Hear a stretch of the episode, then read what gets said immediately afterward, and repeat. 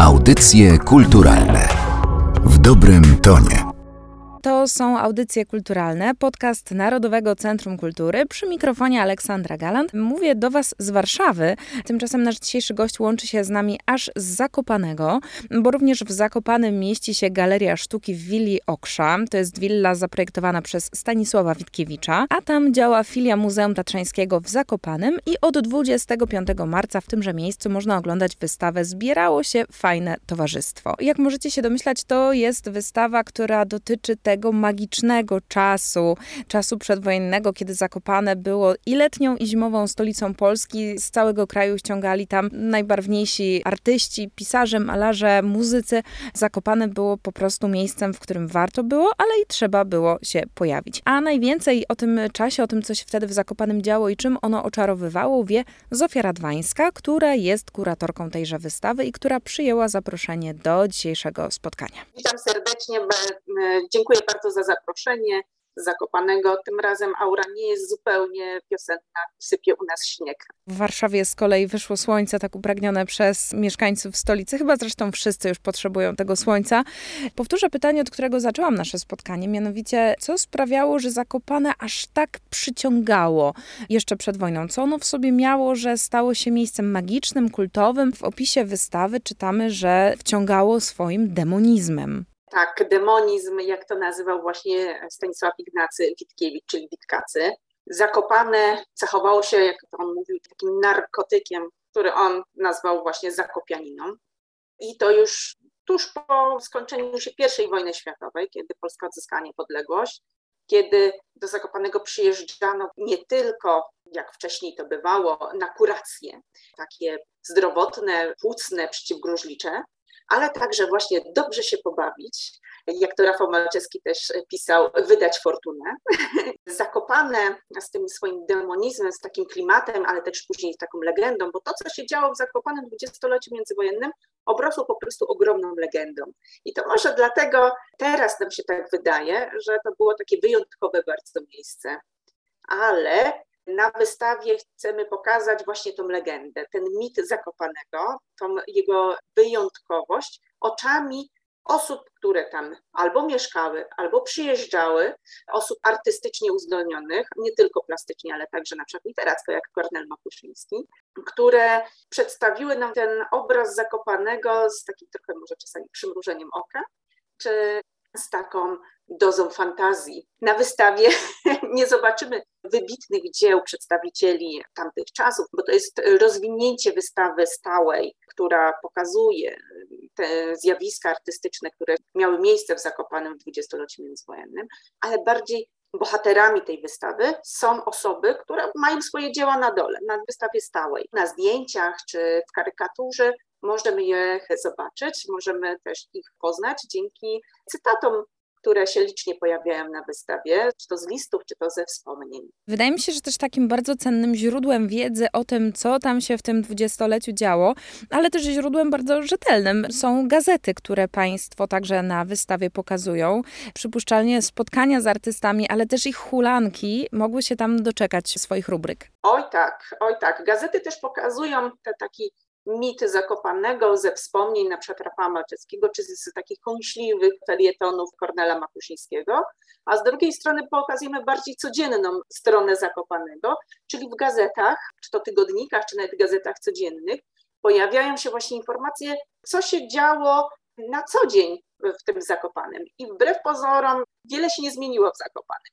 Pogoda i halny nadal są bardzo dużym zainteresowaniem opisywane ale co jest ciekawe, polemiki czy w ogóle działania artystyczne są bardzo szeroko komentowane właśnie na łamach prasy. Polemiki między artystami potrafią się ciągnąć z tygodnia na tydzień i odpowiadane są właśnie taka powieść w odcinkach, jak to się śmieje, kiedy właśnie te polemiki artystyczne, jak na przykład o teatrze, Witkacy y, z doktorem Miszkę polemizował w gazetach przez trzy tygodnie. Te gazety to jest wycinek może, fragment taki, żeby zaostrzyć apetyt może, tak żeby własne badania czy własną taką ciekawość e, później pobudzić. Większość gazet jest u nas zdigitalizowanych na naszej stronie muzealnej, więc e, można też zobaczyć i poczytać więcej. Myślę, że taki przegląd przeróżnej prasy pokazujemy na wystawie to jest taka właśnie codzienność, którą można zobaczyć, bo jeżeli chodzi o takie artystyczne życie, to jest podzielone na parę takich segmentów na wystawie. To są miejsca, w których się spotykali, czyli kawiarnie. Kawiarnie, które obrosły legendami, słynny Karpowicz, u Karpowicza restauracja, czy kawiarnia u Trzaski, gdzie odbywały się pierwsze dancingi i jazzbendy grały na zaproszenie. Ale także na przykład Morskie Oko, ulubiona kawiarnia literatów, gdzie w sali teatralnej swoje sztuki wystawiał Witkacy, a także na przykład w Towarzystwie Tatrzańskim przy werandzie, gdzie prowadziła swoją kawiarnię, restaurację Zofia Krzeptowska, zwana Kapuchą. Zbierało się towarzystwo, jak to Rafał Malczewski określił, odliny i czekana, czyli takie sportowe. Notabene Witkacy ich strasznie nie lubił i nazywał ich kapuchowym towarzystwem, z którymi nikt nie chce mieć do czynienia. Animozje, kto gdzie bywał, z kim bywał, to też mam nadzieję, że na tej wystawie można zobaczyć. Czy któreś z tych kawiarni nadal działają? Można je odwiedzać? Niestety nie. W Morskim Oku teraz nie ma już restauracji, są sklepy, jest informacja turystyczna. Nie ma już także sali teatralnej, restauracji kamienicy Płonki na rogu Krupówek i teraz obecnie ulicy Kościuszki. Mieści się sklep firmy odzieżowej, a wcześniej po II wojnie światowej był tam słynny hotel Orbisu z pięknymi dekoracjami i to jest takie niezwykłe miejsce, gdzie odsuwając wieszaki z ubraniami można zobaczyć na przykład mozaiki albo zadrzeć głowę do góry piękne stropy podziwiać. Resztki właśnie takiego życia kawiarnianego czy restauracyjnego. Jeżeli chodzi o słynnego Karpowicza, to do przełomu XX i XXI wieku istniał budynek, jak to koronel Makuszyński mówił, najbrzydsza buda w całym mieście. Był tam słynny koktajl bar. Niestety teraz w tym został wyburzony i teraz w tym miejscu jest Galeria Zakopiańska z browarem. Zupełnie inny budynek w charakterze, szczególnie w gabarytach. Jeżeli chodzi o inne na przykład słynne restauracje jak w Dworcu Tatrzańskim, no to tam teraz jest zupełnie inna działalność. Przez wiele lat tam były różne kawiarnie, różne restauracje, różnych najemców. Teraz niestety to się skończyło a na przykład hotel Bristol, który miał niesamowitą restaurację, gościł nawet głowy koronowane różnych państw, popada w ruinę, więc historia i trwałość tych miejsc, no niestety nie napawa optymizmem.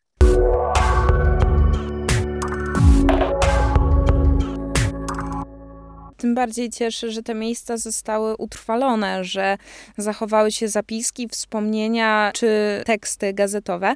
Wspomniała Pani, że wystawa jest podzielona na kilka segmentów. Pierwszy już mamy ten kawiarniono-restauracyjny, a co dalej? Dalej na przykład karykatury, bo tak od kawiarni i restauracji bardziej Karpowicza, zaczęło się ogólnie takie myślenie o karykaturach, o gościach, którzy bywają w tych kawiarniach, żeby ich uwiecznić na karykaturach. Stało się to właśnie w latach początkowych XX wieku, jak Stanisław Karpowicz, który był restauratorem, stał się swego rodzaju mecenasem Kazimierza Sichulskiego, któremu dał do dyspozycji pokój w swoim hotelu i mógł się u niego stołować, ale w zamian miał rysować i uwieczniać wszystkich znamienitych gości, którzy przychodzą do niego do restauracji. I powstała tak niezwykła kolekcja karykatur, 50 karykatur, które powstały właśnie w tamtym czasie i były prezentowane w restauracji Karkowicza. najprawdopodobniej tam właśnie, w tym gabinecie karykatur, Witkacy po swoim e, sekretnym ślubie z Jadwigą z Unrugów odbył kolację poślubną. Więc to też takie są niezwykłe historie. Karykatury też e, rysował może mniej znany Zdzisław Czeremański, one były tak popularne, że wydał serię pocztówek, które prezentujemy właśnie z tymi postaciami zakopiańskimi. To są nie tylko artyści czy literaci, ale nawet politycy, więc widać, kto zajmował, jakby to powiedzieć, umysły ludzi, kto chciał kupić pocztówkę z jaką karykaturą. Na karykaturach właśnie się pojawiały, na, i to są takie z przymrużeniem oka, z przekąsem pokazywane portrety. Kolejną segmentem naszej wystawy jest Zakopane jako miasto, znaczy miejscowość, bo muszę tutaj przypomnieć, że Zakopane stało się miastem oficjalnie dopiero od 1933 roku, więc wcześniej, jak to Kornel Makuszyński mówił, że Zakopane to taka wieś, która leży na wielkiej drodze między Trzaską a Karpowiczem. do 1933 roku, tak, można było powiedzieć, że to była po prostu taka wieś.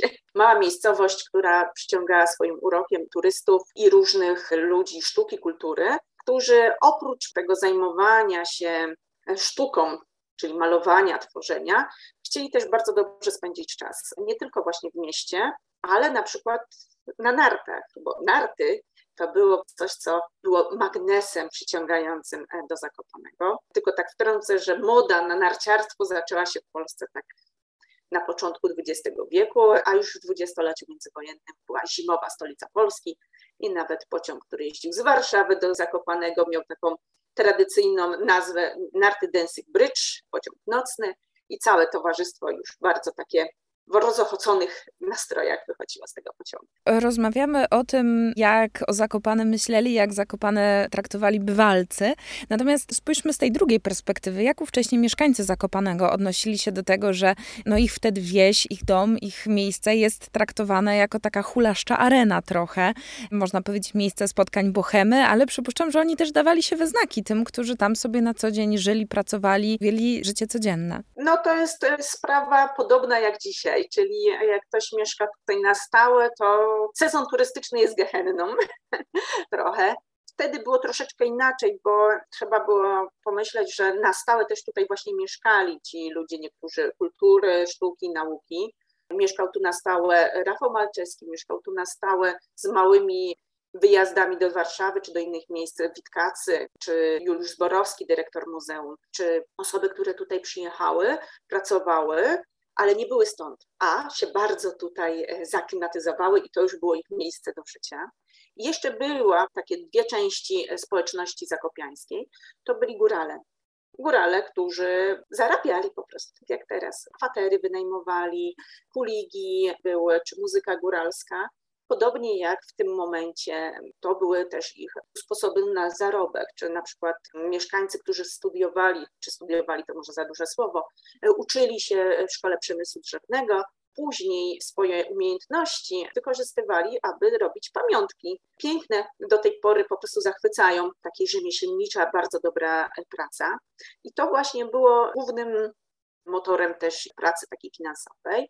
A jeszcze mało kto pamięta, w Zakopanem także była społeczność żydowska, która też tutaj e, mieszkała. Więc to taki był zlepek tygiel przeróżnych prądów, myśli, kultur. Bardzo dużo osób tutaj się czuło jak u siebie, bo mnóstwo osób było nie stąd i przyjezdnych, tak jak na przykład właśnie Winifred Cooper, która była Angielką, przyjechała do swojego narzeczonego na chwilę trochę, który się tutaj leczył na gruźlicę. On niestety zmarł, ale Angielka została Winifred Cooper została, zaczęła grać w Teatrze Witkacego, wsiąkła w towarzystwo i w ogóle w klimat Zakopanego bardzo.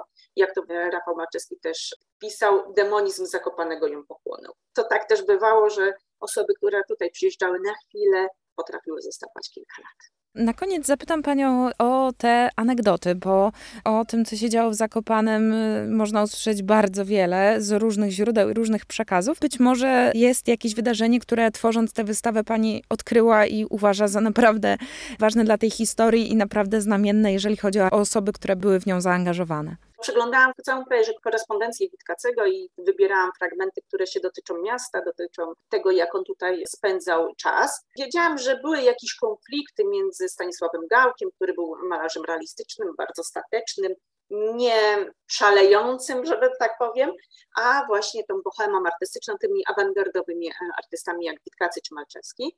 I znalazłam na to doskonały przykład w listach właśnie Witkacego do żony. Może przytoczę teraz fragment. Na obiedzie byłem u Malczewskich, po czym zasnąłem i obudzili mnie o ósmej wieczorem. Mama poszła mnie szukać, ale już wszystko dobrze. Nie miej do mnie o to pretensji, bo miałem rano u Karpowicza cudowną chwilę absolutnej beztroski, co by się bardzo rzadko w ostatnich latach zdarza. Tylko gałek w automobilu podziałał na mnie deprymująco. Ten gałek w automobilu, którym muszę to przypomnieć, był najlepiej zarabiającym artystą tamtych czasów zachowanym. Najwięcej sprzedawał swoich prac. Był malarzem tradycyjnym, realistą i może nie zapisał się te, takimi złotymi zgłoskami jak inni artyści awangardowi, ale wtedy były inne czasy. Inna sztuka była w poważaniu wśród miejscowych czy wśród właśnie przyjezdnych. O tym, jakie to były czasy, jaki był to świat i co sprawiało, że był on tak magiczny i wciągający, można przekonać się oglądając wystawę Zbierało się fajne towarzystwo, którą do 25 czerwca można oglądać w Galerii Sztuki w Willi Oksza. To jest filia Muzeum Tatrzańskiego w Zakopanem, a opowiadała o niej jej kuratorka pani Zofia Radwańska. Bardzo dziękuję za spotkanie. Dziękuję bardzo. Audycje kulturalne w dobrym tonie.